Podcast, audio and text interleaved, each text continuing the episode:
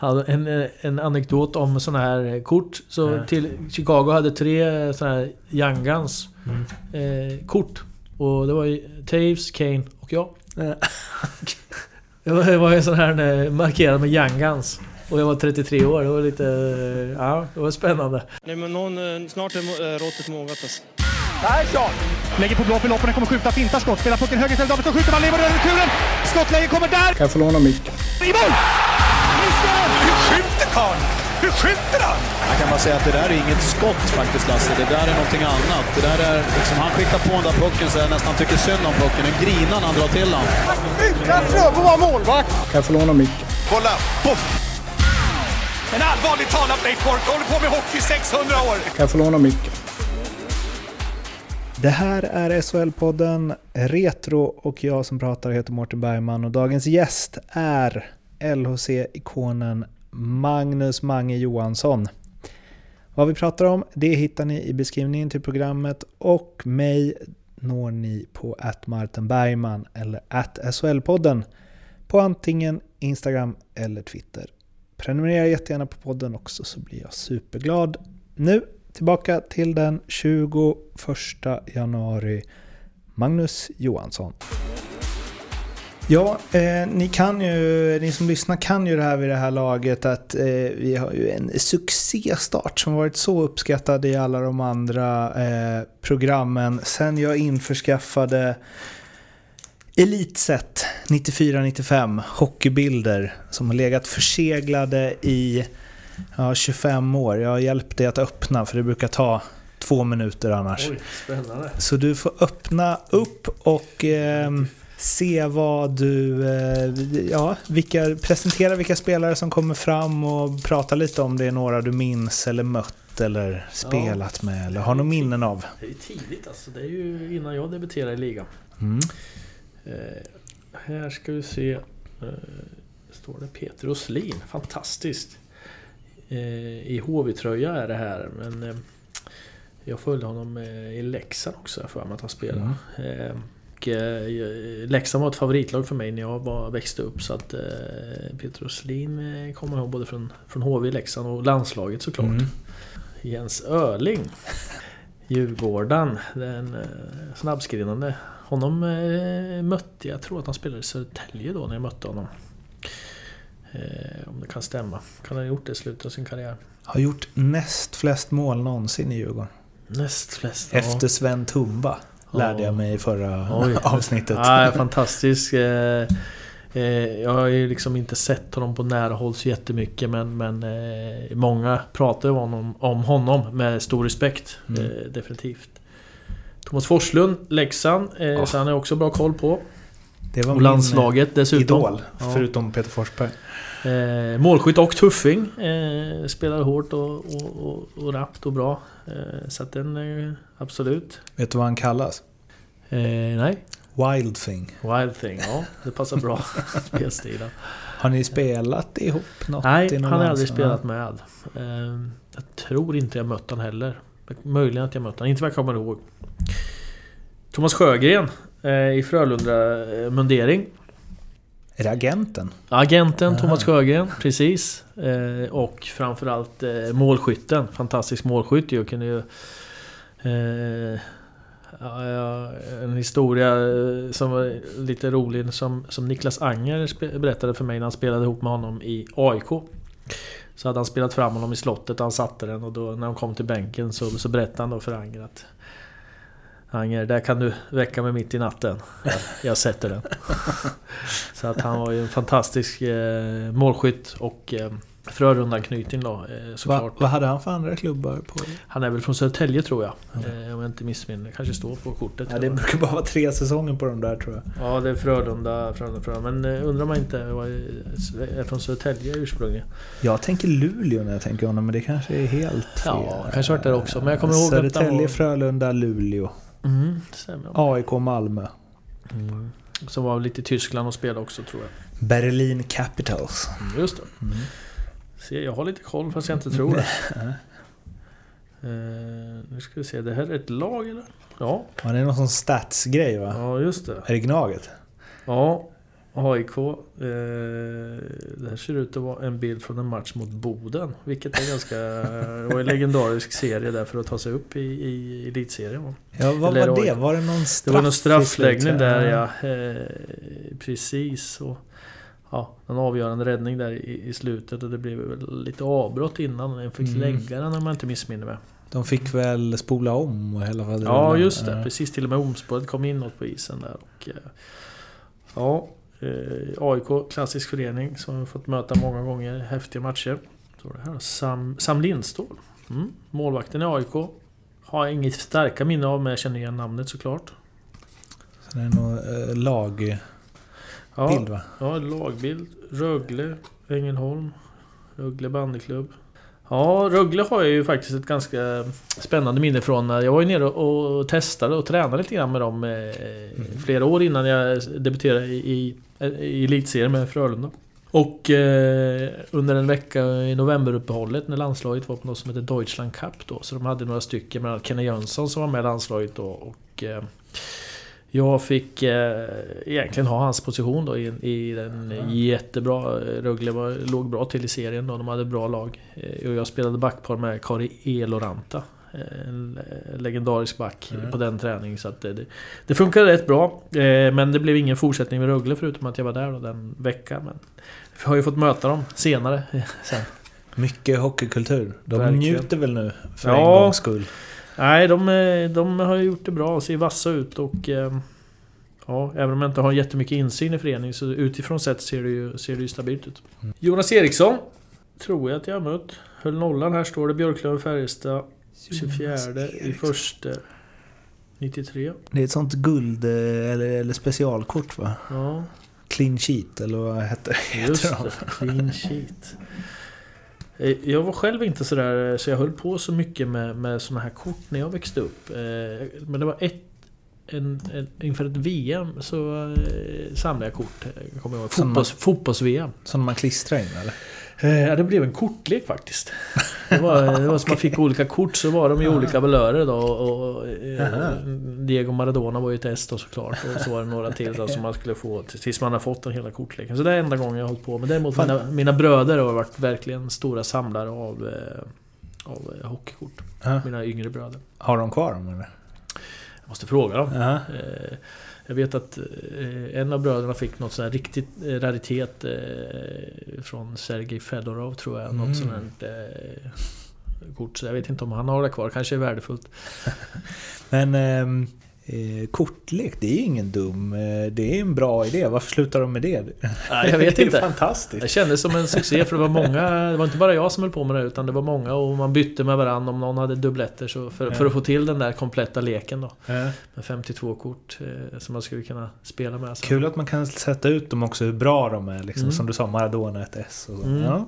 Det är, det någon som tillverkar kortlekar som hör det här så är det bara ta idén rakt av. Det kostar väl kanske en del att ha Leo Messis face på i en produkt idag. Ja, kan det kanske är mer komplicerat idag än vad det var då, Ja. gissar jag.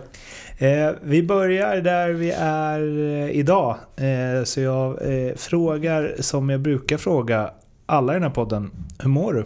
Eh, jag mår bra och det är ju en relevant fråga, särskilt i den här tiden med, med, med Covid. Eh, Mm. men eh, jag har mått bra under hela tiden och mina närmaste också, så att det får man vara väldigt tacksam för. Eh, och jag mår bra i livet också, måste jag säga. Vad gör du nu för tiden? Eh, ja, eh, det är ungefär snart sex år sedan jag slutade spela hockey då. Eh, och idag så jobbar jag med, med ledarutveckling, företagsutveckling inom näringslivet.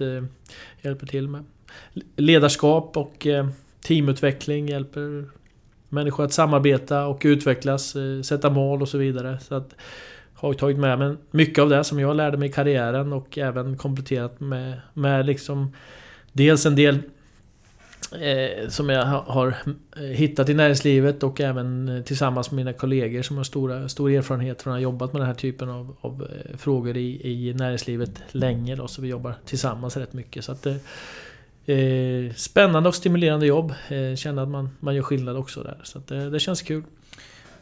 Eh, Du sitter ju i Linköpings styrelse. Ehm, Hur mycket hockey blir det? Eh, jag följer ju LHC väldigt noga. SHL också. Men även egentligen all hockey följer jag, följer jag med. Inte slaviskt men, men jag tittar med stort intresse. Jag gillar fortfarande hockey väldigt mycket. Inte så att jag är aktiv själv men Eh, jag tittar mycket, följer LHC mest eh, och SHL. Eh, men även när jag tittar på NHL när jag får chansen. Jag sitter inte uppe på nätterna men ibland går det kvällsmatcher och, och tittar på sammandrag och highlights och sådär. Tycker det är fortfarande väldigt underhållande med hockey. Vill du jobba mer med det på något sätt? Finns det någon sån tanke?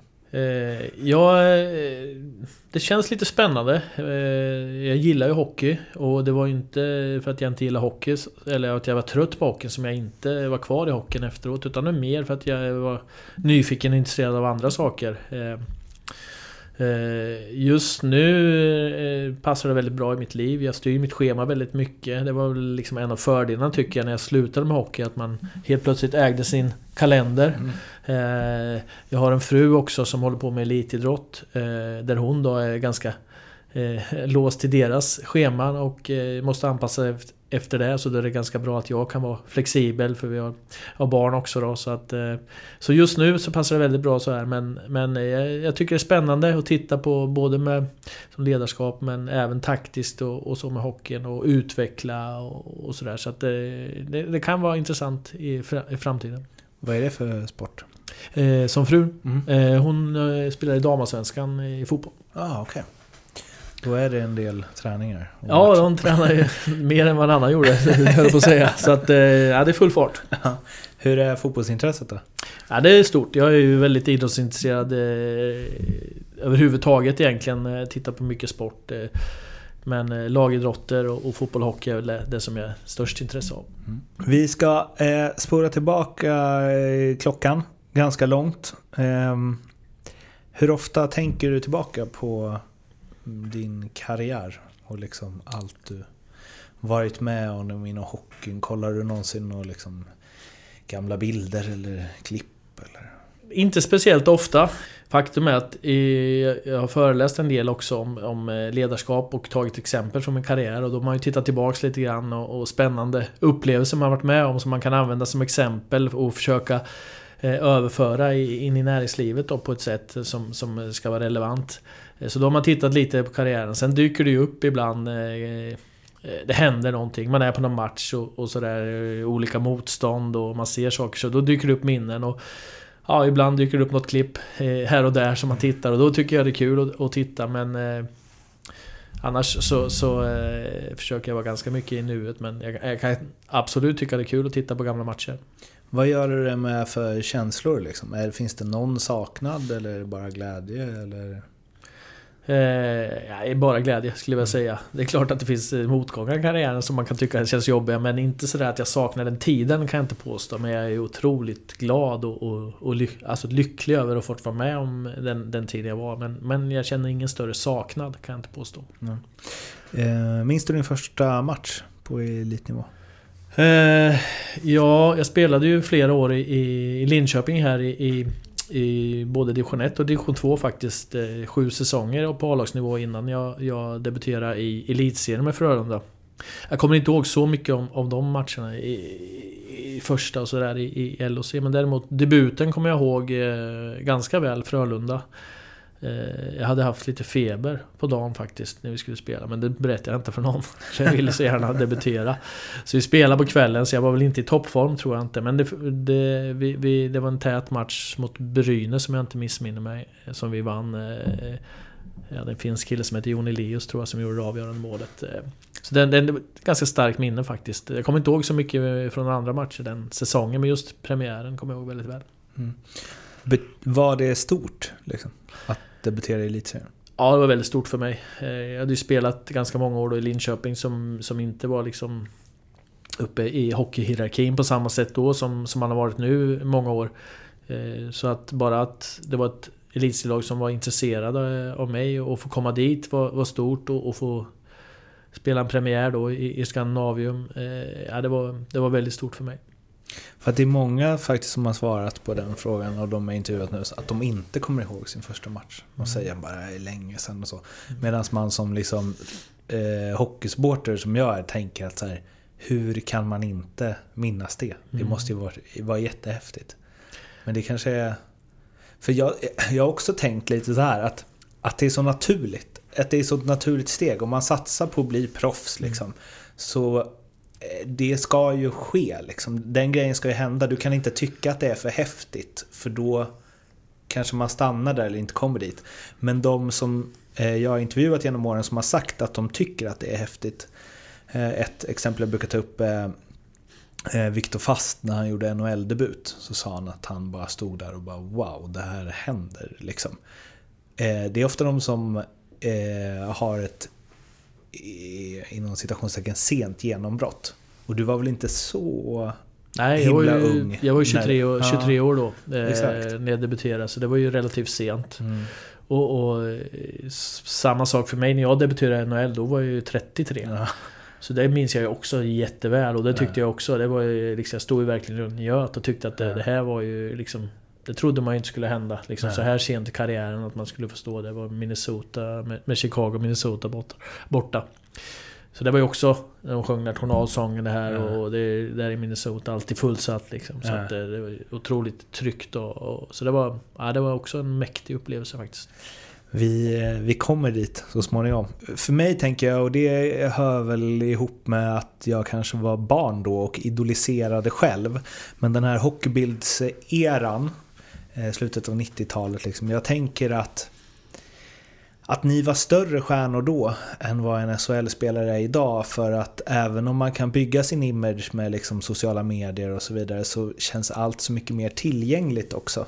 Det är inte lika stort att få en autograf eller slash selfie längre och så vidare. Eh, medans vissa berättar att man å andra sidan var bara någon, jag tror det var Party Karnbäck som sa det, att så här, vi var ju bara bäst på vi var bara bäst på hockey. Vi levde som alla andra fast vi tränade lite mer. Eh, att det inte var så glamoröst, stjärnaktigt liksom.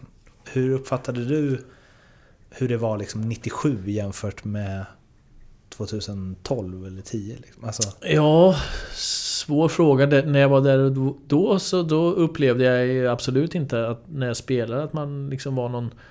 Alltså att många liksom såg upp till att och kom fram och det, det, man kände sig som en vanlig kille som jag egentligen alltid har gjort. Och, och när jag kom till, till Frölunda då så var jag ganska anonym, särskilt de första åren. Eh, Jag debuterade ju i landslaget sen och sista åren eh, så, så kände väl, eh, så när jag var där i Frölunda så var det fler som kände igen mig men samtidigt Göteborg är en ganska mycket större stad än Linköping.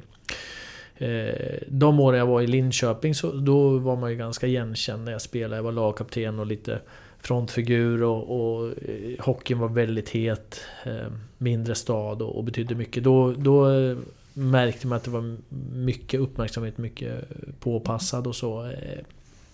Under en period. Men andra ställen jag varit på under min karriär så har det känts som man varit vem som helst, absolut. vad, hur ser du tillbaka liksom på tider? Om du jämför hur det var då jämfört med liksom sista delen av din karriär eller som du ser att spelare har det idag. Alltså om man, om man tar allt sammantaget. Liksom, eh, stjärnstatus, eh, träning, eh, kost, liv, inställning och så vidare. Eh, liksom Burakovsky har suttit i den här podden och berättat att han drack öl i bastun med Jarmo Myllys efter bortamatchen mot Luleå. Det känns inte som att det händer så mycket idag till exempel. Alltså, det har skett ganska mycket med, med professionalismen samtidigt som man, många hävdar det var roligare förr.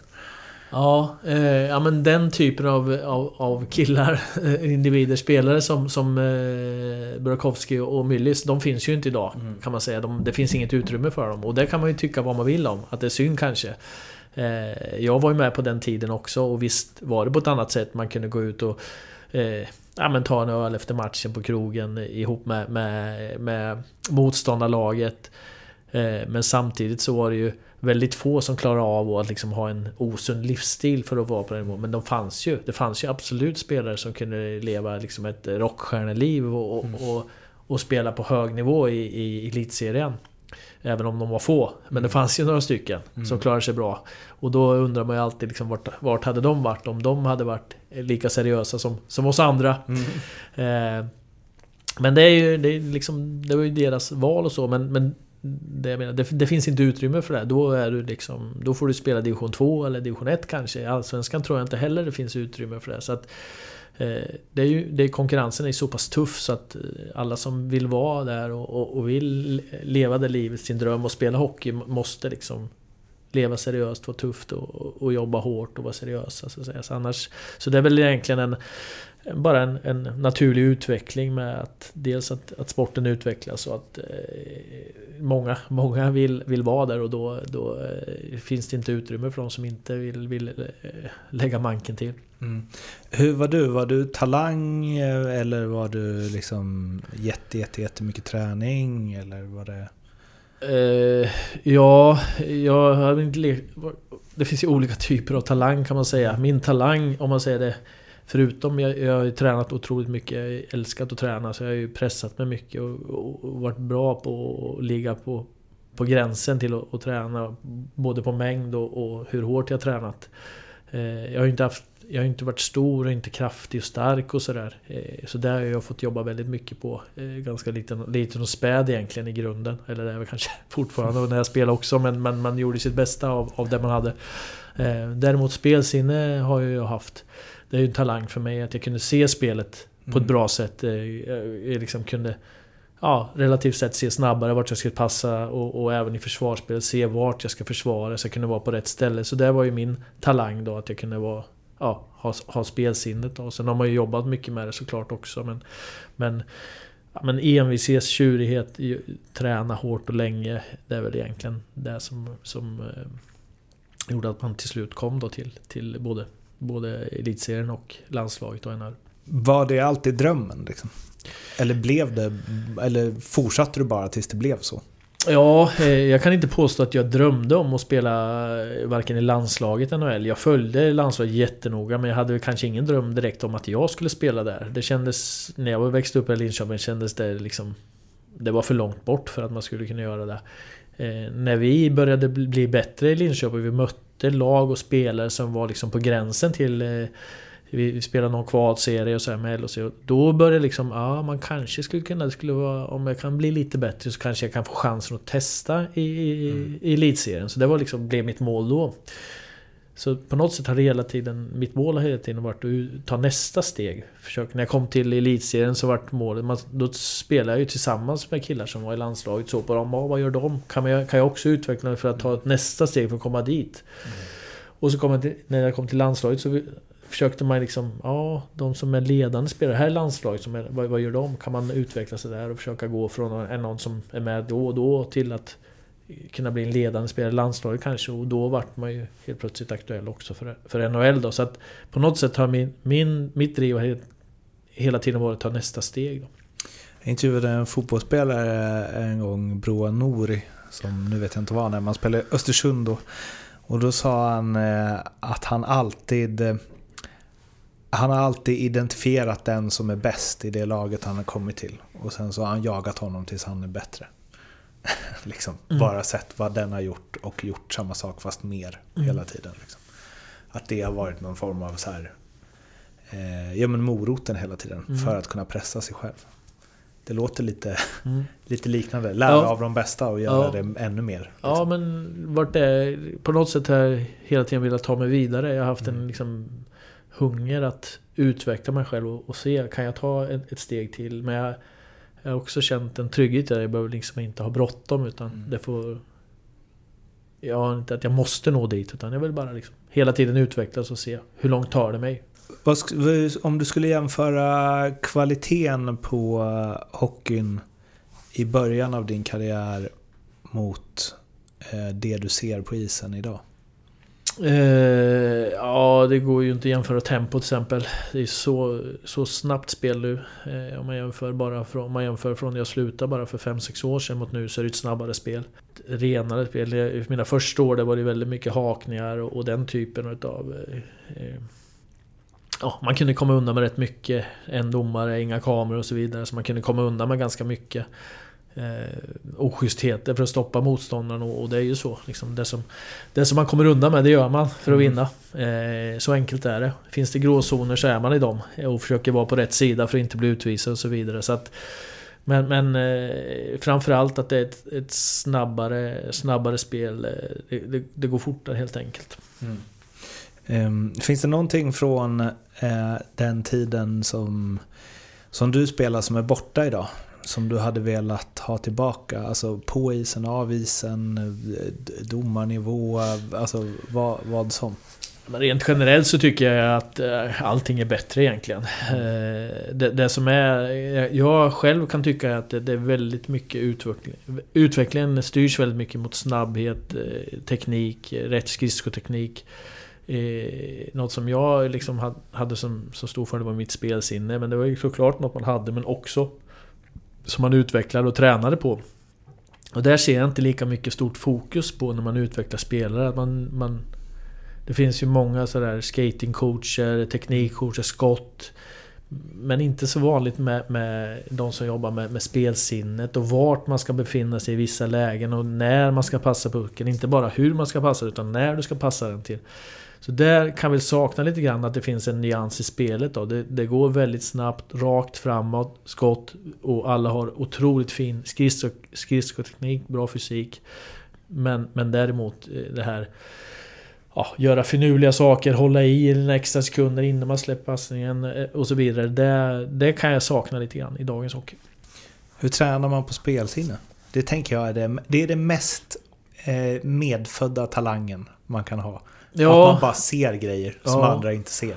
Men det, det, det, jag anser i alla fall är att precis som alla, alla talanger, det går, alla har olika förutsättningar. Vissa har bättre spelsinne från början men alla kan utveckla det. Precis som att eh, en del är snabba från början så måste de jobba med det. Mm. Och hade man jobbat lika mycket med att träna spelsinne som att och, och träna snabbhet, då, då utvecklas det också. Och det är ju liksom titta på vissa sektioner, får jag pucken här?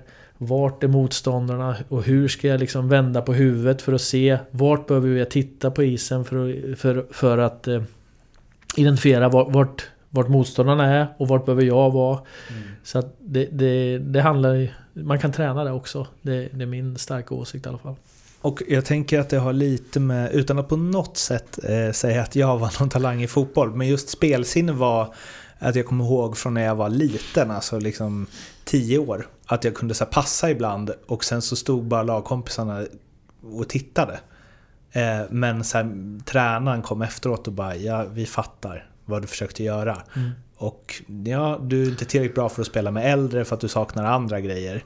Men sen så när vi blev äldre, när man var, var liksom 15-16, då, fa då fattar ju alla de pass Alltså att man så här, lär sig, ser det och växer i fattet typ. Mm. Eh, och det tänker jag ju Även om det görs i kanske mindre steg. Det måste ju pågå hela karriären. Att man blir van vid situationer. Ja, för varje, varje situation du upplever så, så, så lär du dig någonting. Mm. Du, du lagrar ju data i ditt huvud liksom och säger att den här situationen känner jag igen och det här mm. kommer hända. Vad är sannolikheten? Och så vidare. Så att det är också, nu, nu spelar man ju länge i sin karriär då, så att på gott och ont så har man ju upplevt många, eh, vilket gjorde att man kanske inte blev lika chanstagande då i sin i senare sin karriär. För man mm. vet, man, man kan räkna ut oddsen snabbare. Att okej, okay, okay, det är ganska stor risk att, att eh, det blir något bakåt där och då tar mm. man...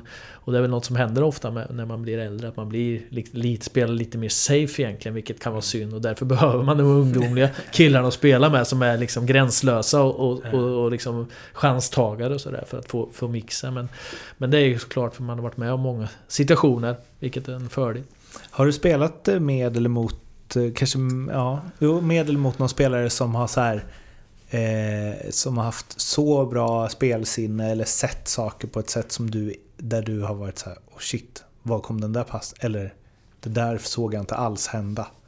Alltså ja, upprepade gånger liksom. Ja, några som jag direkt kommer att tänka på är bröderna Sedin. Ja. Eh, som, som både hade fantastiskt eh, spelsinne men också hade en eh, tvilling. Som, mm. Eh, det säger, det, nästan alla tvillingar man pratar med, de förstår ju varandra på ett annat sätt. Mm. Eh, de behöver liksom inte prata med varandra. De kan vara på olika ställen i, på jorden men de känner ändå någon. Mm. De har en annan...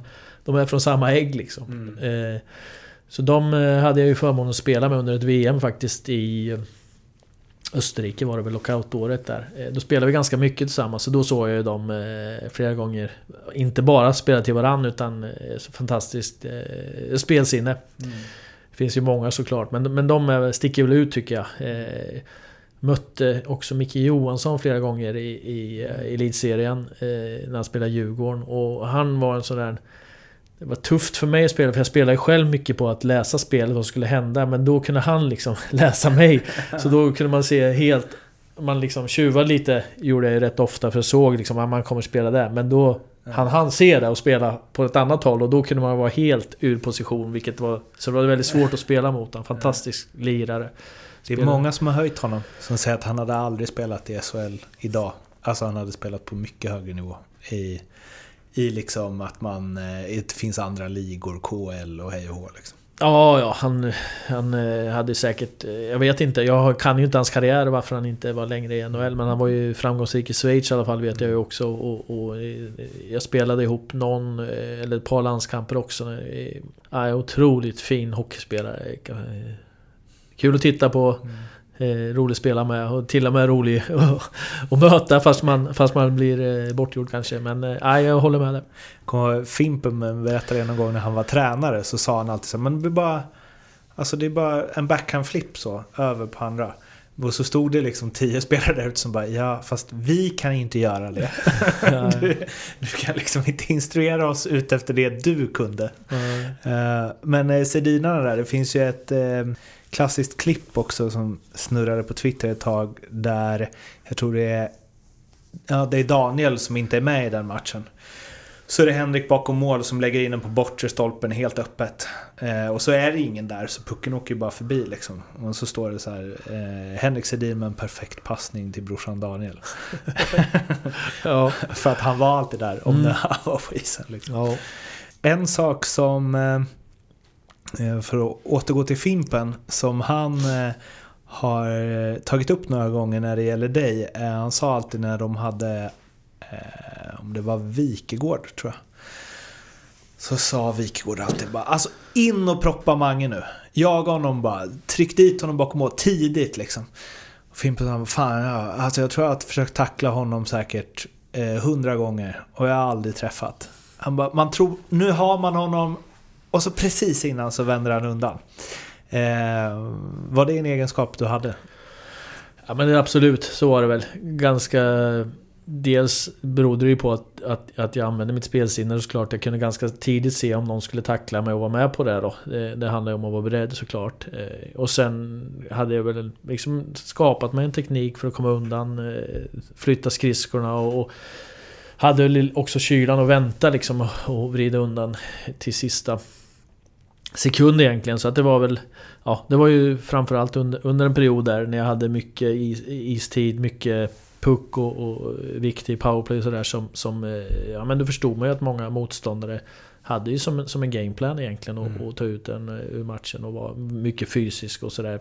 Dels för att jag själv inte var liksom störst på isen så att det, både från, från början och sen utvecklar man ju det där såklart för varje gång man någon försökte tackla en så, så försökte man utvecklas med det också. Så att det, var, det var absolut en, en plan man hade i alla fall och, och försöka överleva egentligen. Hur var det att vara någon som alla ville tackla? När man själv inte är liksom 1,95 och 100 pannor liksom. Ja, men så länge... Eh, jag tyckte aldrig det var speciellt jobbigt förutom vissa matcher när man kände att man inte var riktigt där. Så man var lite... Eh, man, man kunde ju ha matcher när man kände man var lite långsam i tanken och sådär. Mm. Det kunde ju bero på olika saker. Man hade haft dålig sömn eller man var lite nedsatt på något sätt. Då kunde det vara jobbigt för då kände man att okej, okay, idag kommer jag... För jag, det är inte så att jag undvikit alla tacklingar. Jag har åkt på en hel del rätt tuffa smällar i, i, mm. såklart också. Men, men jag har ju klarat mig bra och, och de flesta gånger så, så, när man tog tacklingarna så ville man ju ta dem på ett sätt så att, så att man ändå kunde spela vidare på ett bra sätt. Eh, mm. Jag kan väl e- efter karriären kan konstatera att de tuffaste tacklingarna på nästan alltid varit i träningsmatcher. Vilket har berott på att jag inte riktigt varit där i skallen, inte riktigt beredd. Mm. Och då har jag fått några riktigt tuffa smällar. Så att det är liksom en, en lite sådär, man måste vara, vara liksom påslagen. Kommer du ihåg din eh, sista match? Eh, ja, det gör jag. Det var eh, mot Skellefteå i slutspel borta. Eh, när vi blev utslagna. Eh, jag hade Skellefteå, de slog ju ut mig i mina sista tre säsonger tror jag. Eh, ur slutspelet. De, hade ju, de var ju fantastiskt bra där. Eh, det var väl något år där som jag tyckte att då hade vi kunnat slå ut dem. De andra åren var de starkare klart. Men, men Alltså, jag, visste ju att det var slut då. Även om jag inte hade sagt det utåt så visste jag ju själv att det var det. Och, och konstig känsla. För på något sätt varje, varje gång man blir utslagen i slutspel så är det ju otrolig tomhet.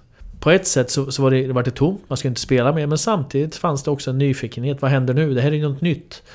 För varje år annars som man varit utslagen så, så såg det i alla fall under ganska många år exakt likadant ut. Ja men nu är ledig några veckor, sen ska vi börja träna igen. Så det, det hade man hållit på Men nu var det så här: okej, okay, vad händer nu? Så det fanns ändå en liten nyfikenhet i mig, även om såklart mycket, mycket känslor också. Mm. Hur långt innan bestämde du dig? Jag hade väl i stort sett bestämt mig innan säsongen börjar. Men det slutgiltiga beslutet tog jag nog vid jul ungefär. Då, då kände jag det började bli ganska logiskt. Jag vart skadad lite mer, jag kunde inte träna. Jag kände hela tiden att ska jag kunna fortsätta så måste jag kunna träna fullt ut. Jag kan inte hoppa över en träning här och där. Då kommer det gå utför. Det var liksom... Det var min... min och, och, så var det under hösten där. Eh, sen, sen var jag med, eller, mer eller mindre skadefri på våren. Men, men jag kände ändå liksom att nu börjar kropp, kroppen säga ifrån. Hockeyn blir snabbare och snabbare, hårdare och hårdare. Eh, och nu är jag ändå liksom fortfarande spelar på en hyfsad nivå. Eh, och jag är redo att gå vidare. Så att det var ett ganska enkelt beslut egentligen. Det var inte mycket vemod eller? Nej, jag, jag har sällan eh, varit speciellt vemodig över mina beslut, vilka det nu har varit. Eh, utan haft ganska... Jag har varit ganska bra på, på att se framåt och, och har också haft... Jag har inte, hockeyn har inte varit allt för mig heller. Jag har haft ganska mycket andra intressen och, och mycket idéer, saker som jag velat göra under hockeykarriären men som jag egentligen inte hunnit med. Så det, det fanns ju liksom, nu kände man nu finns det tid för att göra saker som jag inte hunnit med. Så jag var ja, mer ja, men, fokusera på, på det som var positivt då. Även om såklart var viss, viss typ av saknad också. Och, och man saknade matcherna och, och med kompisarna i omklädningsrummet och sådär. Varför, eh, du var inne lite på det men jag ställer en Varför la du av? Ja men det var dags det var dags. Jag hade fått hålla på längre än de flesta, eh, tror jag. Eh, otroligt glad och tacksam för det. Eh, så att jag var rätt nöjd. Jag tyckte att ja, men, att få spela en, en bit förbi 40, det var ju liksom osannolikt egentligen. Och jag kände att ja, men nu börjar liksom kroppen verkligen säga ifrån här med, med ryggen börjar bli lite sådär, ljumskarna också. Det var, det var lite, lite... Ja, men jag lyssnade på kroppen helt enkelt. Eh, när du ser tillbaka på din karriär idag, hur nöjd är du? Ja, jag är jättenöjd. Eh, det blev ju så blev det när man slutade. Man tänkte inte så mycket när man var i karriären men Eh, när jag själv tittar bak på den. Jag, eh, jag är jätte, jätteglad över den och är stolt över det som, som jag har gjort. Eh, det är klart att eh, vissa saker kanske man har kunnat göra bättre på vissa ställen men, men i stora hela så tycker jag är väldigt glad och nöjd över hur, hur hårt jag har jobbat under karriären för, för att liksom kunna göra allt det här. Vi ska in på del två som jag kör med alla. Förutom Foppa Sudden Lidas, vem tycker du är Sveriges bästa spelare genom alla tider? Oj, det finns ju så många bra. Eh, jag nämnde ju bröderna Sedin förut. Eh, jag tycker de ska man hålla otroligt högt. Eh, det är väl lite så med alla som spelar på västra sidan av, av Nordamerika. De får inte lika mycket uppmärksamhet. Men jag hade ju förmånen att spela OS då i Vancouver och då, då förstod man lite deras status i, i Vancouver. Eh, och eh, jag, jag, jag håller dem otroligt högt. Zetterberg givetvis och även killar som spelar idag. Erik Karlsson, eh, Viktor Hedman och eh, Niklas Bäckström. Eh, till exempel. Så att ja, det finns ju ett gäng. Den här frågan har jag aldrig ställt förut och jag kanske ska ha den i, som en... Vad säger man? En fråga till alla efter det här. Men vem är bäst? Henrik eller Daniel? Eh, oj! Eh, det är svårt att separera dem. Båda har ju vunnit poängligan liksom. Men eh, så att... Äh, jag, vem, är mest din typ? Eh, Henrik ju. ja.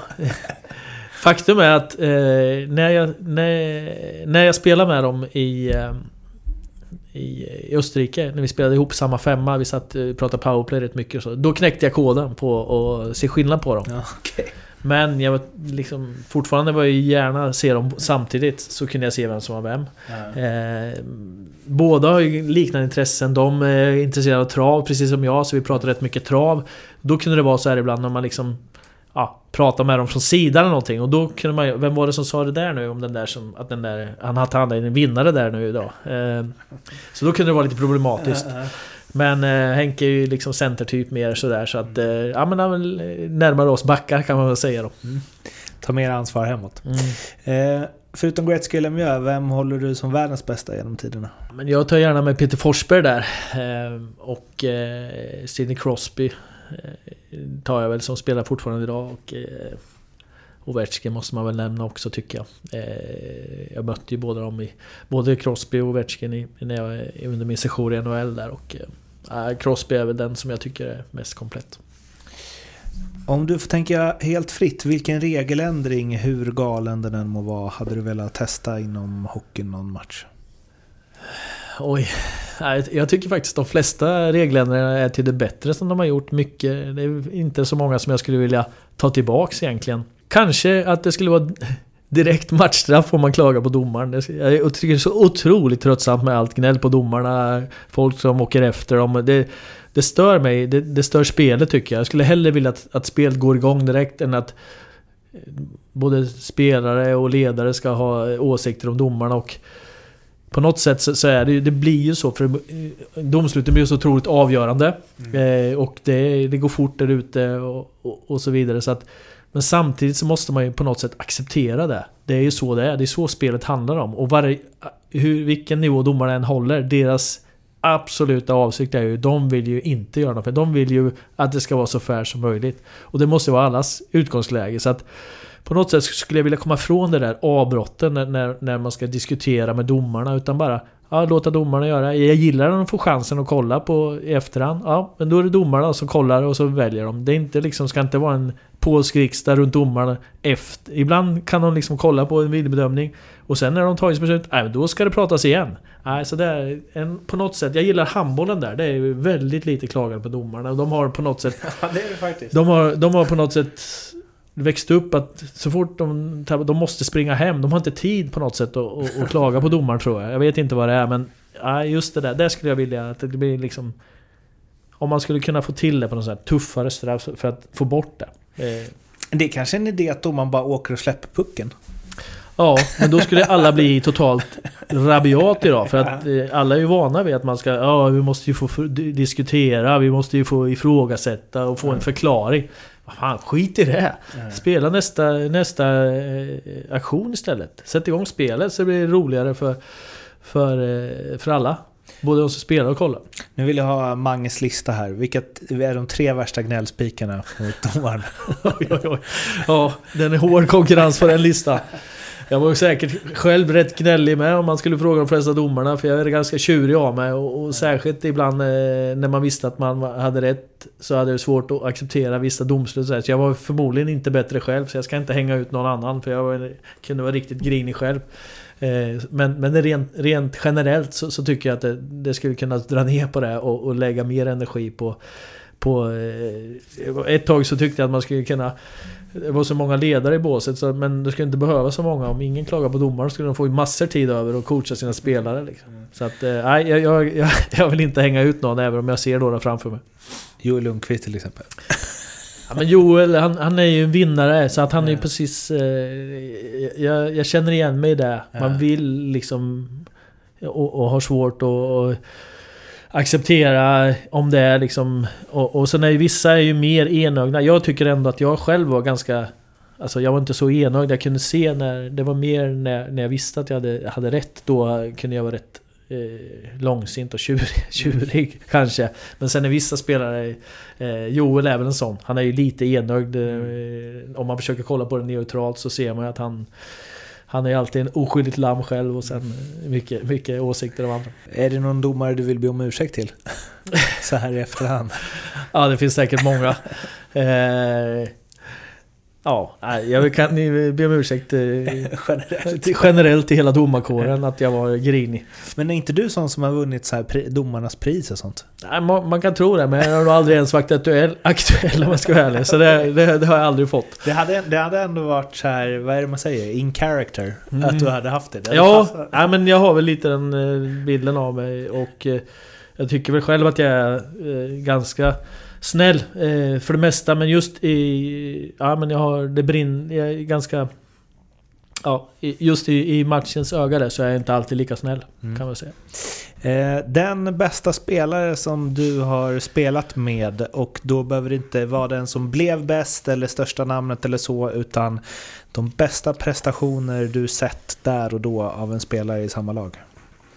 Eh, ja, eh, det här är ju svårt såklart. Eh, jag har ju spelat på, på... Jag har spelat ganska mycket i landslaget så där har jag spelat med spelare som har haft fantastiska prestationer. Eh, jag tänker direkt tillbaks på när vi vände 1-5 till 6-5 mot Finland där. Peter Forsberg gjorde ju några fantastiska mål och vi hade Mats Sundin som en stor härförare där. De dominerade ju då eh, i den vändningen.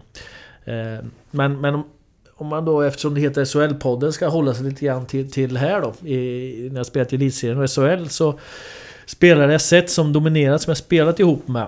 Under lockoutåret så, så spelade jag ihop med Christian Hyselius. Jag spelade med honom i Frölunda också. Men just då, han var otroligt dominant då tycker jag. Eh, fram tills han inte var kvar längre då på grund av det som hände. Eh, men, just när han spelade, han dominerade isen. Det var ingen som kunde stoppa honom. Sen hade han ju fantastiska eh, kedjekamrater också. Med Brendan Morrison och Mike Knubel. Knubel just. Eh, och jag hade ju förmånen att spela den femman ihop med, med Henrik Talinder också där. Så vi, vi hade kul det året eh, ganska länge. Eh, men, men han dominerade spelet totalt då. Det var ingen som... Han var så snabb och, och kylig och allting med pucken så han dominerade. Så då, sen hade vi också... Eh, Två, två, eh, två tjecker eh, som spelade under flera år. Eh, Linka och Lavac. Mm. Och de var bra, men framförallt Lavac. Han kunde dominera matcher totalt. Han var ja, men, lite liknande som Peter Forsberg när han var som bäst i NHL. Det var ingen som kunde stoppa honom. Han var liksom så stark och sen målskytt på samma gång. Så, så, så han kan väl lyfta fram också, Lavac. Utifrån samma kriterier, bästa du mött? Ja, ja, under lockoutåret där så spelade ju Marian Hossa i, i eh, Mora. Mm. Och där kommer jag ihåg att vi förlorade mot Mora någon gång där hemma och det var mot... Det kändes ja, som att det var... Det. Vi förlorade mot Marian Hossa. Ja. Eh, han gjorde något helt otroligt mål i den matchen ju. Ja, ja han, han var också sådär snabb, stark eh, och allt. allt eh, så att... Eh, det är väl en sån jag kommer ihåg. Mm. ja. Eh, mött ju mycket bataljer med, med, med Frölunda. Jag spelade ihop med, med många av de här killarna. Sen hade vi bataljer och Niklas Andersson var ju också en sån där som var eh, otroligt svår att möta. Ja, det är många, många svåra motståndare. Micke, Micke Johansson har, ju, har jag ju nämnt. Eh, om du får plocka ut tre spelare som du fått spela med, som du vill prata lite extra om. Det behöver inte vara de bästa eller något, utan bara tre spelare som du liksom kommer ihåg lite extra från karriären. Oj, ja. Eh, ja men skulle vilja lämna Ronny Sundin kanske. Mm. Eh, vi spelade ihop eh, väldigt mycket i Frölunda. Han betydde väldigt mycket för mig. Eh, lugn, trygg, stor, stark. Eh, vi kompletterar varandra bra. Han eh, gick ut i hörnet och tacklade ner dem och så hämtade jag pucken och kunde starta anfallen. Ren, lite Överdriver kanske, men eh, lite så var det. Eh, sen var ju Ronny en, en bra offensiv eh, spelare också, vilket eh, man kanske glömmer för han var så otroligt defensivt stark, men bra passningsspelare. Och vi utmanar varandra ganska mycket i träning också och eh, vi, vi vi sporrar varandra och blir bättre mycket i träning. Vi tränade ihop. Eh, ibland så hade vi tränare när vi passade dåliga passningar till varandra. För att vi skulle träna på att ta emot det dåligt. Mm. Ganska ofta faktiskt. Vi, liksom, för att ibland så får man ju passningar på ett sätt på en match som inte är exakt på bladet. Mm. Och kan man då liksom träna på att ta emot dem bra, då, då skapar man sig tid.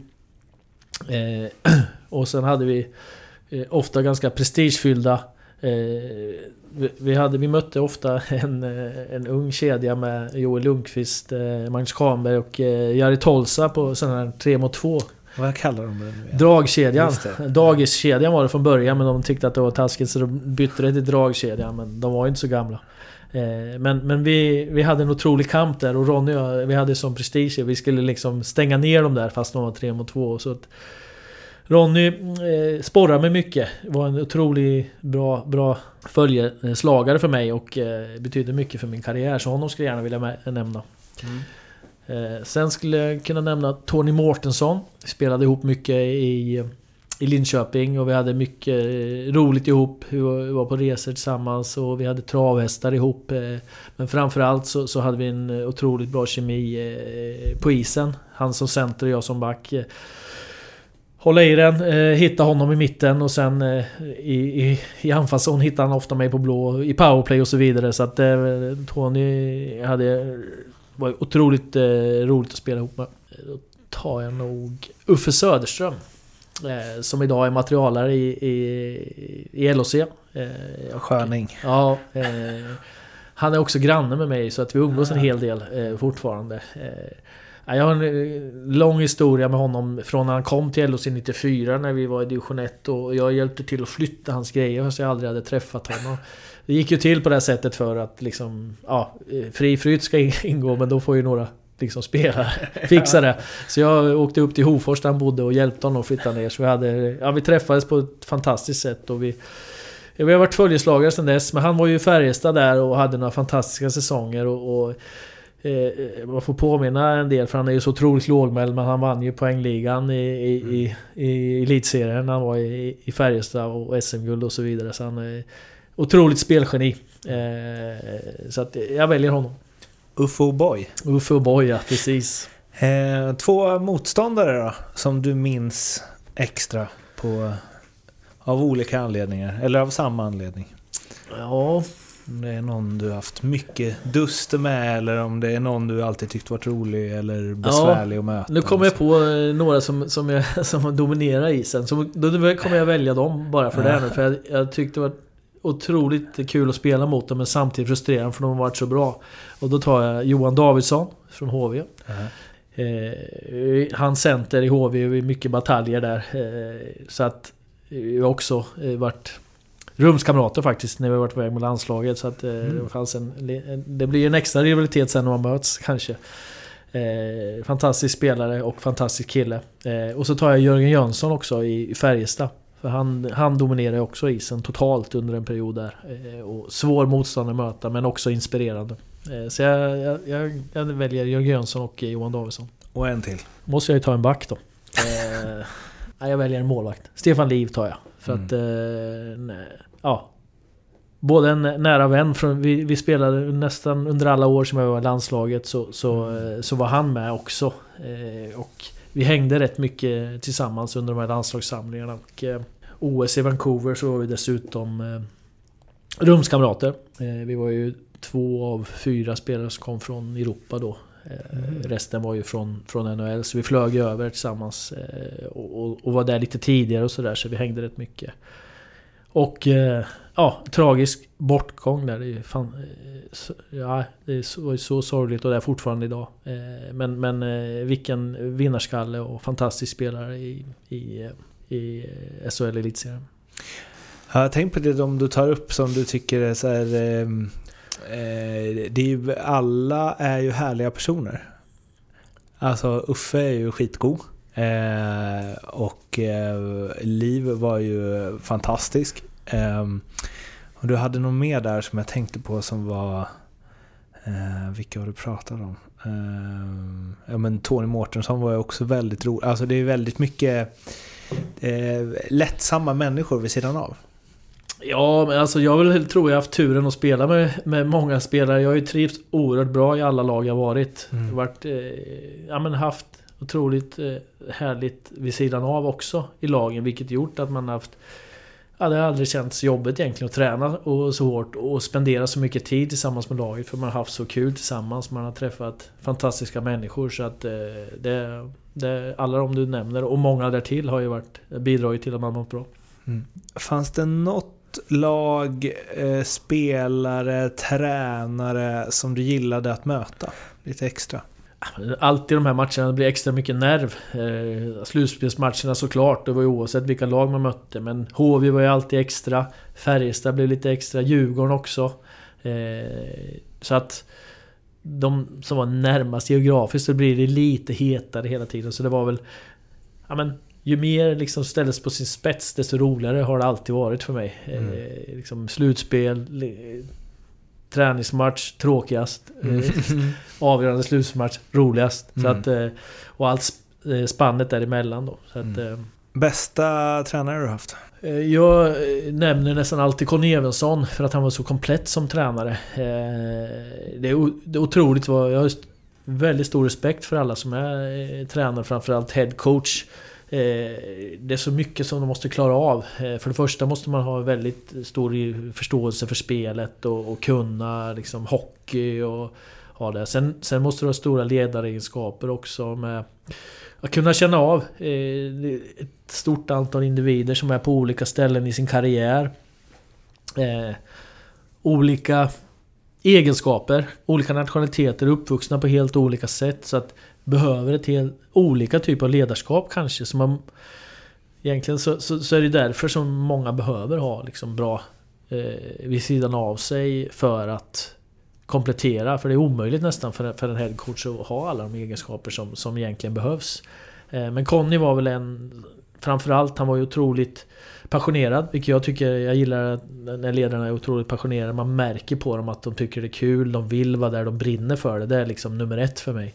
Otroligt eh, strikt och, och liksom skärpt när det gällde. Eh, slarva aldrig med detaljer. Eh, men också otroligt mjuk som människa. Förståelse för att eh, människor kunde må dåligt, må bra. Att det har en påverkan. Så att hans eh, eh förmåga att, att, kombinera det där var väl unik utav de egentligen eh, coacher som jag har haft. Har du haft någon sämsta tränare? Egentligen har jag inte haft någon som jag kan säga att den var speciellt dålig. Men många har ju saknat vissa egenskaper då och inte kunnat eh, kompensera det med, med att ha någon annan som gör det. Så det har väl hänt då att det saknas någon del utav det där. Att antingen att man har svårt att ställa krav eller att man inte ser människan och så vidare. Så att så det är väl mer, jag kan inte säga att någon har varit dålig, alla har haft sina bra egenskaper men, men i vissa fall så kan det ha saknats några ingredienser för att det ska bli helt bra. Men, men vem passar dig sämst? Liksom?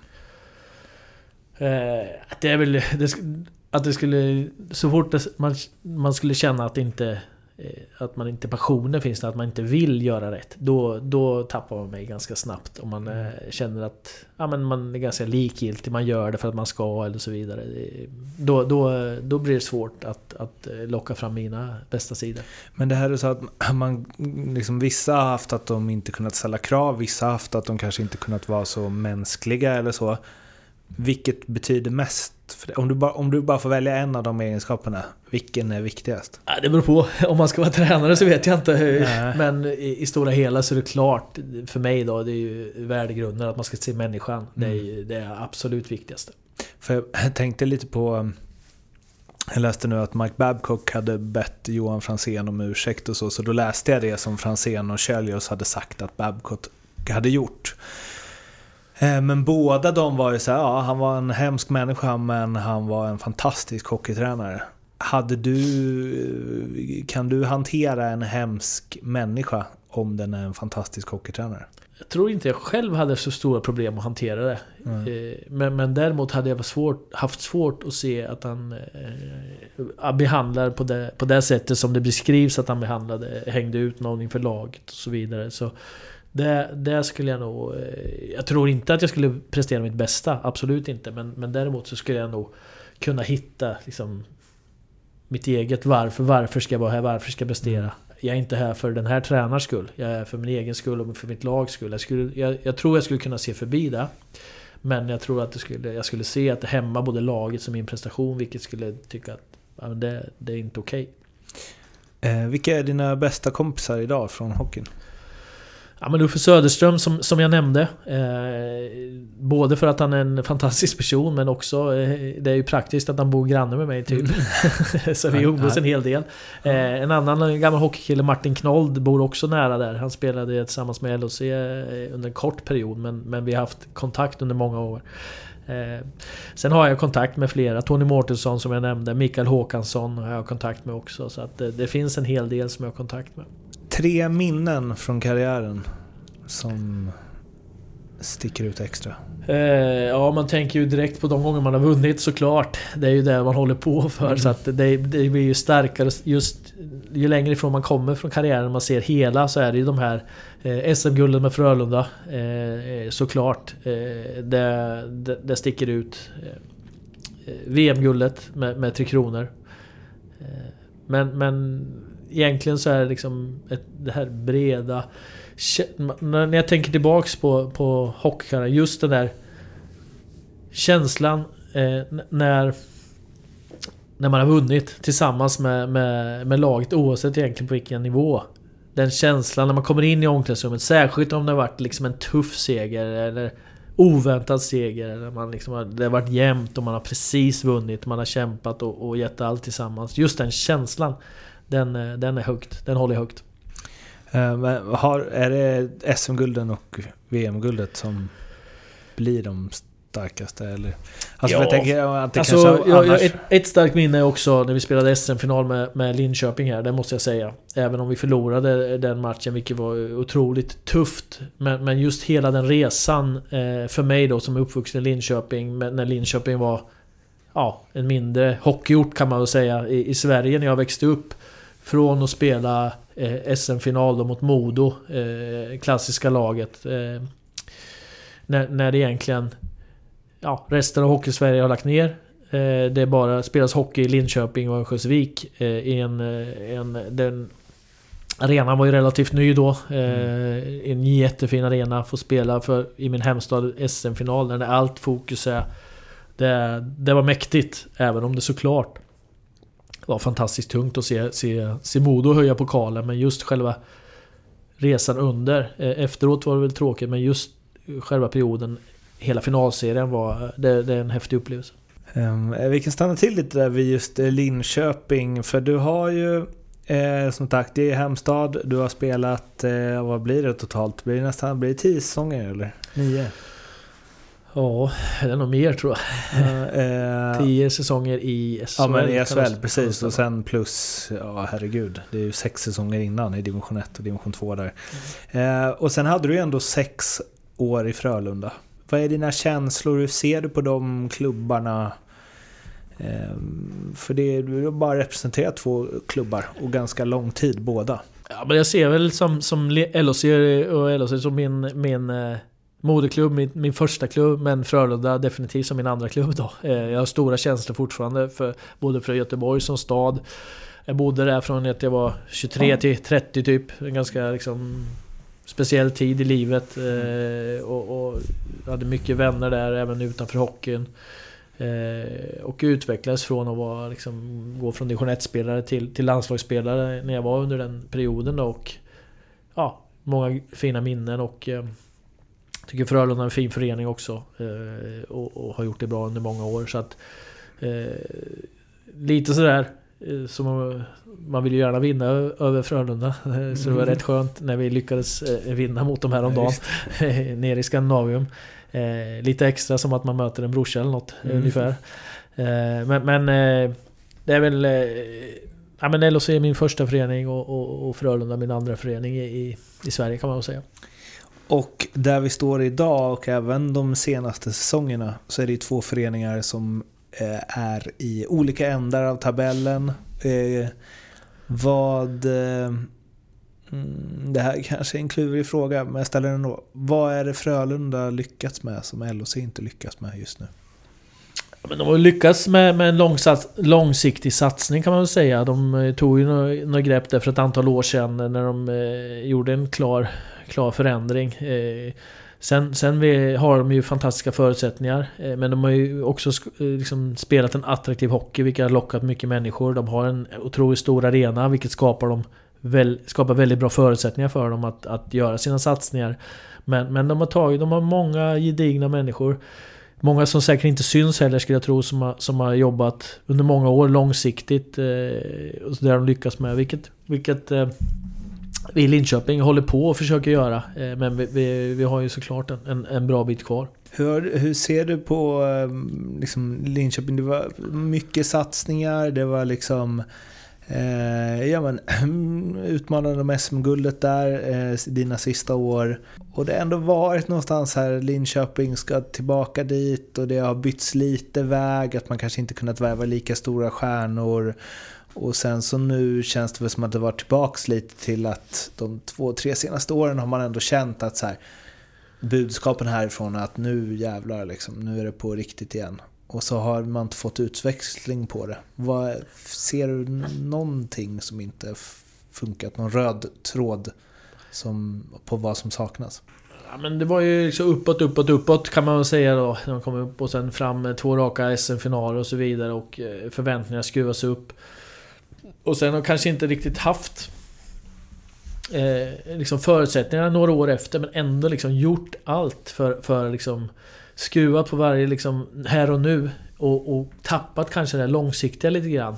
Vi, ja, men vi måste ta det första SM-guldet. Vilket gjort att det långsiktiga har fått ta stryk. Man har haft i mitt tycke då, för kortsiktiga beslut i vissa fall. För att ja, men vi måste vinna i år, vi måste vinna i år. Och det har då, när man inte lyckats, så, så, så får man betala för det några år efter. Mm. Nu förhoppningsvis kommer vi göra liksom en, en, en restart här och eh, börja jobba långsiktigt. Vilket är otroligt utmanande i den här branschen.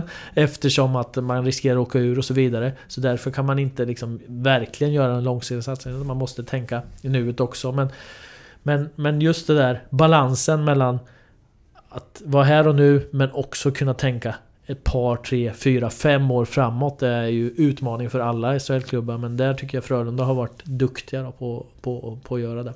Är du orolig? Ja, man är alltid orolig. Mm. Såklart. Eh, jag försöker dock bara liksom, hjälpa till på det mesta sättet jag kan. Eh, jag jobbar, jobbar en hel del. Eh, jag jobbar som mental coach och jag försöker coacha mig själv ibland. Och att mm. framförallt att påverka där man kan påverka. Eh, inte oroa sig för mycket för andra saker som man inte kan påverka. Så det, är väl, det är väl någonting jag försöker leva efter. Men det är ju utmanande såklart. Vi ska prata om två andra klubbar från din karriär. Du har varit inne på det. Ehm, din säsong i NHL som 33-åring fick du chansen? Och det, först måste man ju fråga, fanns chansen tidigare än så? Nej, inget konkret har aldrig funnits tidigare. Så jag har aldrig tackat nej eller så tidigare. Och hur var det när det eh, hände? För jag antar att du tänkte att den chansen kommer aldrig att komma. Nej, eh, det stämmer. Eh, men min karriär jag gick ju sakta och säkert. Jag blev ju liksom mer framgångsrik. Eh, så att och jag hade en större roll i, i landslaget lite senare där och efter den VMet i Ryssland var det ju där jag hade en, en relativt stor roll. Eh, så fick jag chansen då, men det var ju trots allt eh, Det var ju inte någon drömchans. Det var ju fortfarande ett tvåvägskontrakt med Chicago så att jag åkte ju över med Ja, kanske inte de bästa förutsättningarna. Jag kom till campen. Det var ju rätt många backar där och rätt många som redan var klara med envägskontrakt och sådär. Så att det var väl rätt många backar som slog som en två platser kanske. Eh, så det var ju rätt spännande då. Och, eh, men tack vare att jag var den åldern jag var så tänkte jag, jag har ju inte så mycket att förlora. Jag kör hårt. Jag var liksom inte så att... Ja, jag hade ju en, eh, kunnat åka hem till Europa. Jag hade, tror inte att jag hade spelat i AHL. Det, det kände jag mig inte liksom... Det skulle inte vara utvecklande. Mm. Men däremot chansen att, att, att, få ta plats i, i Chicago kändes ju otroligt stimulerande då. Men hur var det? Alltså Chicago är ett av världens mest klassiska hockeylag. Ehm, och, och, alltså du hade ju spelat på vad ska man säga, du hade ju spelat på den nivån med liksom VM och allt sånt innan. Men ändå eh, uh, NHL, alltså vad tänkte du när du kom dit? Att så här, du hade inte fått chansen trots dina, dina prestationer i så många säsonger. Fanns det någon så här, vad, vad tänker de med mig? Och jag hade väl fått ganska klart för mig, tror jag, vad de, vad de ville. Eh, om jag skulle... De behövde... De satsade ungt men de behöver väl kanske någon lite mer rutinerad eh, back också för att ja, backa upp de unga killarna helt enkelt. Men eh, jag tyckte det var rätt spännande för att jag menar, jag var ju ändå inom hockeykretsar ganska välkänd både från landslaget och i elitserien SHL men där borta var jag ju totalt okänd. eh, många eftersom... Ja, jag såg ju inte lastgammal ut så många trodde att jag var rookie när jag kom över på campen. Liksom, de som inte visste så mycket. Det är bra betyg. Ja. eh, ja, men lite, ja men liten till växten och, och sådär. Eh, inte så mycket skäggstubb. så, så det var rätt många som trodde att jag var liksom rätt ung när jag mm. kom över. Eh, men alltså management hade ju såklart koll. Men, men eh, liksom runt omkring folk som inte liksom var jätteinsatta. Eh, ja, men det var totalt nytt. Det var ju, allting var ju så annorlunda. Eh, mm. Man kom in på campen, hade, visste inte riktigt. Det var ju två lag som började, bara en sån sak. Mm. När man har varit van vid det. Men det är ju ett lag som kommer, vi ska liksom jobba ihop oss. Nu är det liksom Det är klart att rätt många spelare visste att de skulle spela i Chicago men, och rätt många visste AHL. Men det var ju trots allt, alla hade ju som mål att slå sig in. Mm. Eh, och det bara satt någon lista på, inte någon som sa något, utan satt bara en lista på väggen vilken färg man skulle ha på. Sen var det ut och, och köra bara och sen... Ja, Fick man reda på om man skulle lira nästa match i de här pre-season och, och sen började de skicka ner folk. Och det visste man ju inte riktigt vem det skulle vara och så, här. så det var ju... Det var ju en otroligt... Alltså, jag har alltid gillat det där. Alltså, mm. nya saker, uppleva. Så att jag njöt på något sätt av att... För jag hade ändå sett samma saker ganska många, många år då. Mm. Så det var ganska kul att se något helt annat. En helt annan kultur, hur man liksom förbereder sig inför säsongen. Eh, hur det såg ut. Sen var det ju fantastiskt, fantastiska arenor, hur man reste och så här. Det var ju liksom, allting var ju top notch. Så mm. det var ju häftigt också att få uppleva. För jag tänker någonstans att det är klart att du kanske hade velat spela 10 år i NHL. Men att få uppleva det eh, när man är 33, när man liksom... Man kan ju bara jämföra med sig, sig själv när man var 23 jämfört med idag. Alltså så här hur mycket tryggare man är, hur mycket mer liksom eh, ja, man vet om livet, låter pretentiöst. Men lite så är det ju. Att för dig att komma in, alltså om du hade varit 20 kanske det hade varit svinjobbigt att bara oh shit, två hela lag, vem ska upp, vem ska ner? Här är en jävla tavla med mitt namn och vilken färg jag ska på tröjan. Medan nu kanske du var mer chill i det.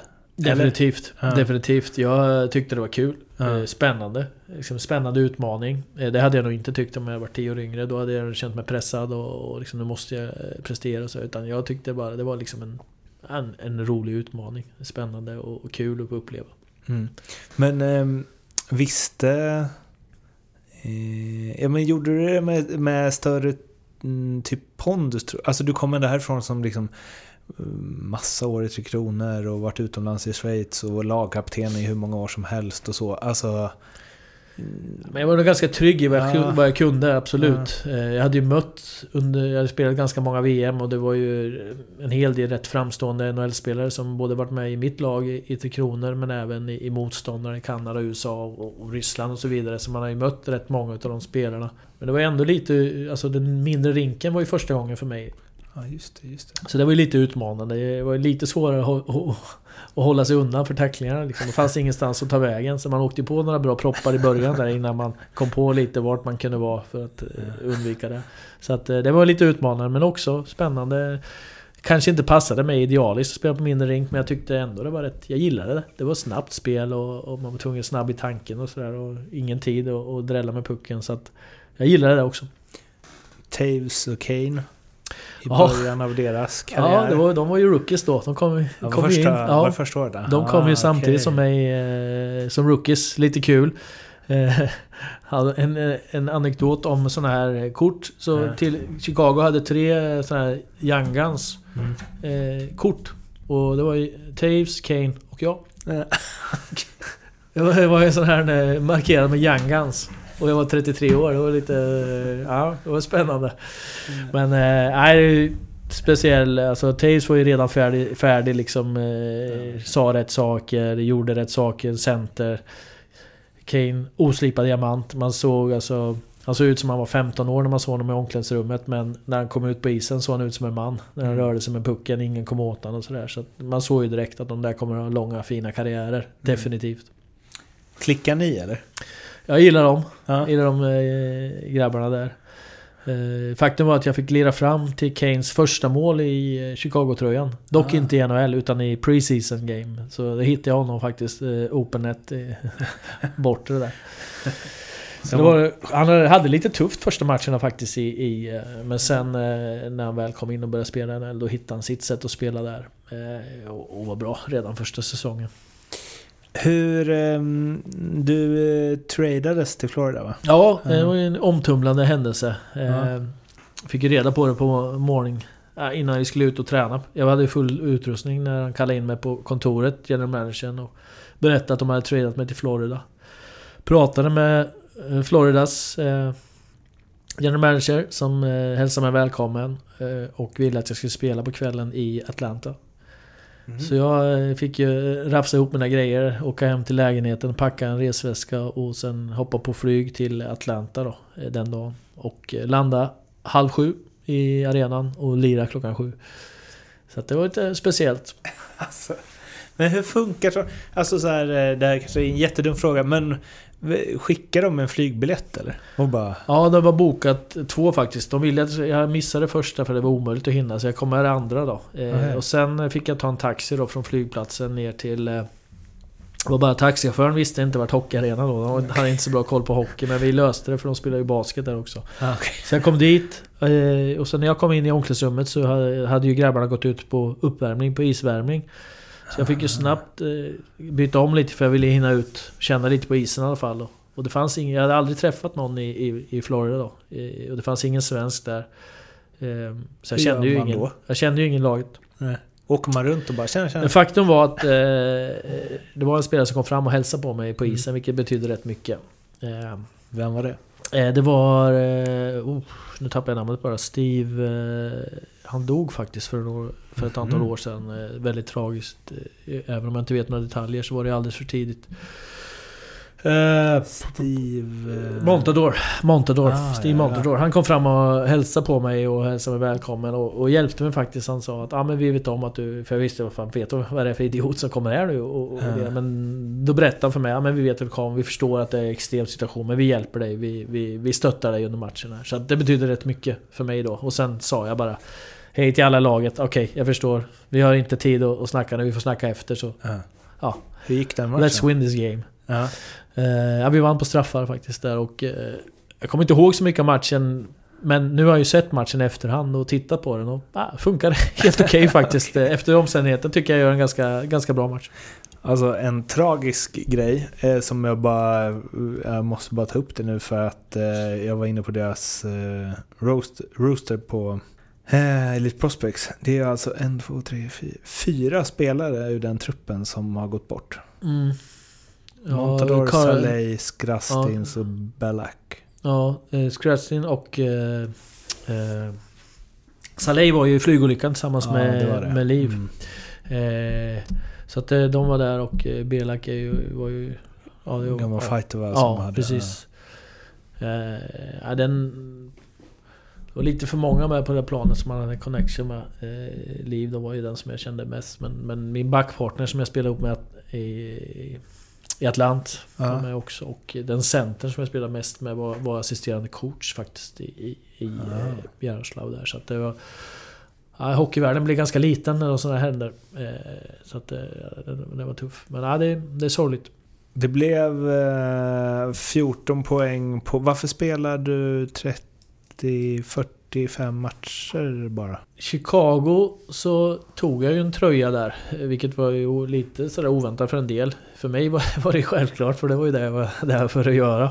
Så jag spelade i premiären, eh, spelade ett antal matcher och ja, men det gick väl okej. Okay. Sen började jag, eh, tyckte jag spela bättre och bättre och gjorde väl min bästa match, match 9 eller nåt sånt där. Hade en riktigt bra match mot Colorado tror jag. Så jag skulle spela mot Toronto borta. Och då blev jag helt till scratch i den matchen mot Toronto. Jag fattade ingenting. Jag tyckte liksom nu, nu har jag hittat hur jag ska spela i NHL. Och sen var jag lite ut och in faktiskt i Chicago eh, under den hösten. Spelade lite, tappade alltså... Jag tappade lite självförtroende, spelade sämre igen. Så jag spelade inte så bra där tyckte jag inte Chicago. Eh, jag blev lite... Ja, man fick ju inte veta så mycket varför utan de sa bara du spelar bra men jag förstod inte riktigt varför jag inte spelade. Så det var en tuff höst där men så jag spelade lite till och från där i Chicago. Eh, sen kom jag till Florida där de hade mycket skador på backar så där kom jag in och spelade direkt rätt mycket. sen hade väl de tänkt att spela dem igen, de backarna kom tillbaks. Så jag satt någon match där. Jag varit magsjuk också någon där i, i Florida. Men sen, ja, sen kom jag tillbaks och så spelade jag resten då i, i Florida och fick en, eh, ganska mycket istid. Spelade mest i andra backpar då, så jag hade relativt mycket istid där.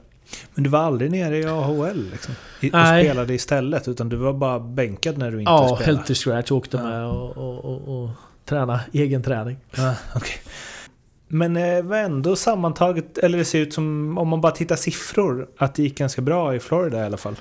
Ja, Florida gick det bättre och bättre och liksom slutet av säsongen där så hade jag en stabil plats och hittade liksom ett... Ja men de ville ha mig kvar. De hade för många backar på, på kontrakt egentligen eh, och kunde inte signa upp mig. Eh, och hade inte gjort något större väsen av mig så det var inget jättestort intresse från andra klubbar och sen fick jag ju bra, bra anbud från Ryssland och så det var, det, var, det var därför det blev där. Du hade ingen chans att stanna i NHL? Eller? Eh, jag väntade ganska länge. Florida ville ju som sagt att ha mig kvar och ville väl lösa det med, med liksom trada backar och så vidare men lyckades inte. Och det drog ut på tiden så jag signade relativt sent med Ryssland. En bit, bra bit in i juli tror jag det var.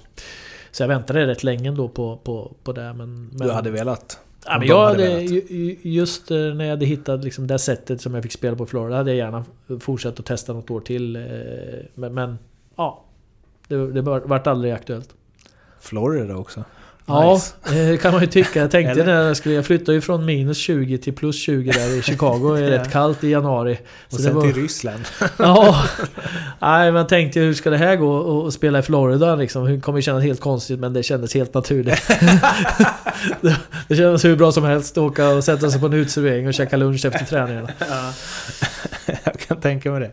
Eh, men ändå kul. Du måste ju känna att det är nice att du fick vara med om NHL i alla fall. Ja, alltså. absolut. Det är ju, även om det inte blev mer än matcherna som du sa där så, så var det ett år där som jag fick uppleva mycket och fick se och vara i en del av det. Så att eh, det var liksom ett slutspel då kanske som man skulle vilja vara med om också. Då. Men, men ja, jag är superglad att jag fick testa. Eh, och vi betar väl av den klubben lite fort. Atlant. Mm. En säsong. Mm. Öste in poäng. Plus ja. 33. Men bara fyra slutspelsmatcher. Ja, eh, jag skadade mig där i Atlant eh, i slutet av säsongen. Eh, jag hade en fantastisk säsong. Jättehärligt lag, bra killar, mest ryssar men, men jättevälkomnande, tog hand om mig bra och... Eh, jag hade en, vi, vi liksom spelade under säsongen spelade vi kanske bättre än många trodde. Vi var väl topp tre tror jag i ligan. Vi kanske tippade i mitten. Även om det var höga målsättningar med själva laget då. Men, men så att det gick bra för mig. Jag hade, fick en bra liksom, status i laget. Tränarna liksom, gillade mig. Så jag hade lätt på det sättet. Mm. Eh, och spelade bra. Eh, sen skadade jag axeln i, när det var bara ett antal matcher kvar i säsongen. Kom tillbaks. Jag spelade inte åttondelsfinalen. Eh, när vi gick vidare. Och sen eh, kvartsfinalen spelade jag. Men jag hade ju väldigt ont eh, i axeln. Men jag spelade ändå de, de matcherna. Och Sådär gick det väl. Men vi mötte ett ganska bra lag som hade underpresterat under säsongen. Vi tappade också två andra spelare där. Så att de slog ut oss hyfsat lätt där, Magnitogorsk. Eh, så att det var lite tråkigt avslut på, på, För att där hade vi fått liksom vara full, fullt blåst där så hade vi kunnat eh, utmana tror jag. Men, men eh, ja, så det var väl lite tråkig avslutning då. Men eh, ett roligt år i Ryssland. Den hockeyn passade mig som handsken. Väldigt teknisk. Eh, mm öppen hockey. Så att det, det var ju... Det var ett roligt år. Du spelade ju med, eh, ja, han kallas väl för den bästa spelaren utanför eh, NHL, Mosjakin. Mm. Sergej Mosjakin ja. ja. Ja, otroligt eh, skicklig rightare, målskytt och framspelare. Eh, och han var ju den stora stjärnan såklart då i vårt, i vårt lag där, men också en Gjorde 23 poäng mer än tvåan i interna poängligan. Mm. Ja, men otroligt bra, bra, härlig kille. Mm. Eh, var ingen liksom devolater utan jobbade hårt och allting och sådär. Så att, vilket gjorde att det är svårt, svårt för resten och när han är liksom storstjärnan och, och gör det. Så att, eh, men eh, jag gillade honom och, och gillade att lira med honom såklart. Han har petat in 16 på 29 i år som 39-åring. Ja, det är, det är ändå bra gjort. Alltså. Ja. Nej, han är en poängmaskin. Det är bara liksom... Jag antar att han har gjort flest i, i, i KLs historia totalt. Ja, det måste han ju ha gjort. Den bästa lagkamrat du har haft om du ser till hur du tycker att man ska vara i ett lag och i ett eh, omklädningsrum? Ja, eh, hur man, jag tycker man ska vara det är att, eh, lite det som jag sa förut om tränare också, man verkligen visar att man vill vara där. Man eh, kommer in och visar ja, men här vill jag vara. Eh, jag tycker det är kul att vara, liksom, bidra med energi och glädje. Eh, och också kan, kan bry sig om människorna i gruppen. Och det har jag, jag har ju spelat med många av den typen av människor. Men ska man lyfta fram någon så kan jag väl ta Sebbe Karlsson och kanske, som är mm. ganska aktuellt. Eh, eftersom han spelade ända fram tills förra våren. Och som jag som har kontakt med idag. Men han är liksom urtypen av den typen av fantastisk lagspelare. Gör allt för laget, eh, bryr sig om alla, ser till att alla mår alltid glad, sprider glädje. Så att eh, han, han liksom på något sätt personifierar eh, det jag gillar med en, en, hur en lagkamrat ska Om du med den erfarenhet du har idag av hockeyvärlden kunde åka tillbaks i tiden och ge dig själv 15 år något tips, vad skulle du säga då? Oj, oj, det är ju inte värt. Då kanske jag förstör något så inte alls... Då kanske jag får lägga av när jag är 20 eller något om jag ger något tips. Jag, jag, jag så, tycker att det blev eh, så pass bra så att eh, jag tycker att jag låter det vara. Man, man ska inte få för mycket råd när man är, Då kanske jag hade varit Ja, mer defensiv och, och tagit. Eh, Vem har betytt mest för din karriär? Oj, det är så svårt att, att, att, och peka ut någon enskild förutom liksom såklart föräldrarna då som har liksom gett en möjlighet från början och skjutsat hit och dit. Eh. Sen är det ju olika ställen i, i karriären när, när eh, dels både lag, eh, medspelare och tränare och ledare har, har betytt mycket så det är otroligt svårt att peka ut någon. Så, ja, sen får vi säga föräldrarna då, det är enklare för det är de, de är den absolut avgörande faktorn till att man ens höll på med hockeyn och har stöttat den genom, genom alla år. Sen är det klart ledare som, som har hjälpt den och utvecklat den men det, jag tycker det är så svårt att, att, att peka ut en. Vad är du mest stolt över från din karriär? På något sätt att man ändå höll på så pass länge eh, och, och egentligen ingen tidig framgång utan att jag hela tiden hade glöden och fortsätta utvecklas, envisheten.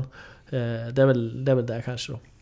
Finns det något ögonblick som är ett så här sliding doors där det, du kunde valt den klubben eller kunde gjort si eller kunde gjort så? Som liksom... Alltså man inte vet vad som skulle hänt. Ja, där det liksom... Eh, Där du tog ett val och kunde tagit ett annat som hade kanske kunnat innebära... Alltså något som du kanske inte funderar på det idag men som du ändå så här, mm, nej, jag funderar inte på det, men det finns sådana val. Det var ju någon gång till exempel när jag hade valet att gå till Färjestad eller stanna kvar i Frölunda. Det var när jag hade två år kvar i, Eller innan jag skrev mina sista två år med Frölunda så hade jag ett anbud från, från Färjestad. Det vet man inte, vad skulle ha hänt då? Eh, när jag hade varit i Schweiz så hade jag också eh, möjlighet att stanna kvar i Schweiz och, spela ett år till. Vad hade hänt då? Eh, men, men det var ju året innan här fantastiska lockout-säsongen då. Så den, den är man ju glad att man inte missade då. Och, eh, ja. Saab Arena, eller Cloetta Center som hette då, var ju ny och komma hem och spela med LHC där lockade ju väldigt mycket då. Så det är väl, det är väl några sådana där tillfällen man haft. Eh, ja, Ryssland hade jag ju några andra klubbar också, förutom Atlant då, eh, som var intresserade. Så det kunde ju varit något annat då. Men, men det är det också. Eh, de val som jag gjort är jag väldigt nöjd med. Så jag, jag ångrar inga val. Gjorde du din första LOC-säsong i elitserien under lockouten? Eh, ja, det stämmer. Ja. Fan vilken jävla Ja. comeback! Rivstart. ja, nej, det var ju det var liksom kanske den... Nej, jag vet inte. Nästan så den SHL-sången som jag rankar högst för mig själv och personligen. Med, med, med tanke på den konkurrens som var eh, med, med, med de backar som fanns. Och, eh, ja, jag jag tror att det kom både i poängligan för backar och, och plus minus eh, etta. Eh, I alla fall där uppe i toppen. Så, så, så rankar jag den liksom individuellt sett som en av mina absolut bästa, måste jag säga. Mm. Vad är det sjukaste som hänt inom hockeyn? Slash berätta en rolig intressant anekdot. Ja, eh, jag berättade ju om den här traden till, från Florida, eller till Florida. Den var ju ganska spektakulär. Eh, det hände ju lite titt som tätt med trader men den där, det blev ju ganska extremt när man landar i arenan så, så pass kort innan match. Eh, och, och liksom förflyttar sig från Chicago till, till Florida. Landar där på kvällen och bor där då. Det är ju lite extremt. Eh, men det är ändå hockeyrelaterat och ganska vanligt. Eh, eh, jag kan väl berätta om en, en händelse när jag var i Ryssland, för där hände det mycket konstiga saker, kan man tycka. Eh, vi landade på, på, i Moskva, vi hade varit på en, på en roadtrip och kom hem och, och landade. Samtidigt strax efter att vi landade så landade också CSKA Moskva som också liksom har bas i, De kom från Kazakstan där spelat mot Baris Astana. Och lite olika tullregler gjorde att deras bagage på något sätt var tvungna att bli godkänt innan de fick öppna det. Så vårat bagage blev också fast. Så vi fick vänta där väldigt länge. Och både vi och CSKA var där. Men så var det... Vi var på en lite mindre del av flygplatsen så vi gick ju ut där utanför och det hade börjat snöa som bara den och alla blev lite uttråkade så det började ju hålla på att göra snöboll så det blev ju världens snöbollskrig där. Så det slutade i ett världens snöbollskrig ute på, på... Det var väl inte alla inblandade men ganska många och så kom det... Så kom det någon vakt där, någon ryss. Eh, som eh, skällde på alla att där fick vi inte vara. Men han var ju så klappkanon alltså, så han knappt kunde gå. Så alla började typ driva med honom. Men det var ju lite sådär läskigt. Han hade ju va vapen och grejer. och sen det värsta dagen, han har skällt alla, alla lovar att ska vara tysta sådär, och, och lugna ner oss. Så vänder han sig så är det någon som drar en snöboll rätt i ryggen på honom. Då tänkte jag, nu drar, nu drar han vapnet där men ja, jag tror han knappt märkte det. Han var lite bedövad av vodkan där. Så det, var, det var en lite sån där sjuk händelse eh, när jag var i Ryssland. Det låter som ett kul minne. Ja, det var, det var från att man var så sjukt uttråkad där när man satt och väntade och hände så blev det, det blev ett äh, ganska mycket skratt och, och, och skoj. Eh, hur är din ryska förresten? Eh, ja, på ruski chut Okay. Eh, jag, jag, kan tala lite ryska. Jag lärde mig eh, läsa kyrilliska bokstäverna och sådär för att kunna ah, ta mig fram och hälsningsfraser och sådär. Så att, eh, jag är ganska intresserad av språk men jag var lite för kort tid för att kunna liksom, lära mig. Men, men däremot ja, kunna säga vem jag var och varför jag var där och beställa mat och, och sådana enkla grejer klarade jag av. Eh, vilket hjälpte mig ganska mycket ändå i, i både att få respekt av mina lagkamrater och eh, i samhället. Avslutningsvis, vilken före detta elitserien SHL-spelare, gärna någon som var med redan där under slutet 90, tycker du att jag borde intervjua i den här podden? Ja, kanske Jörgen Jönsson då, eller Johan Davidsson. Kanske. De är högt upp på listan.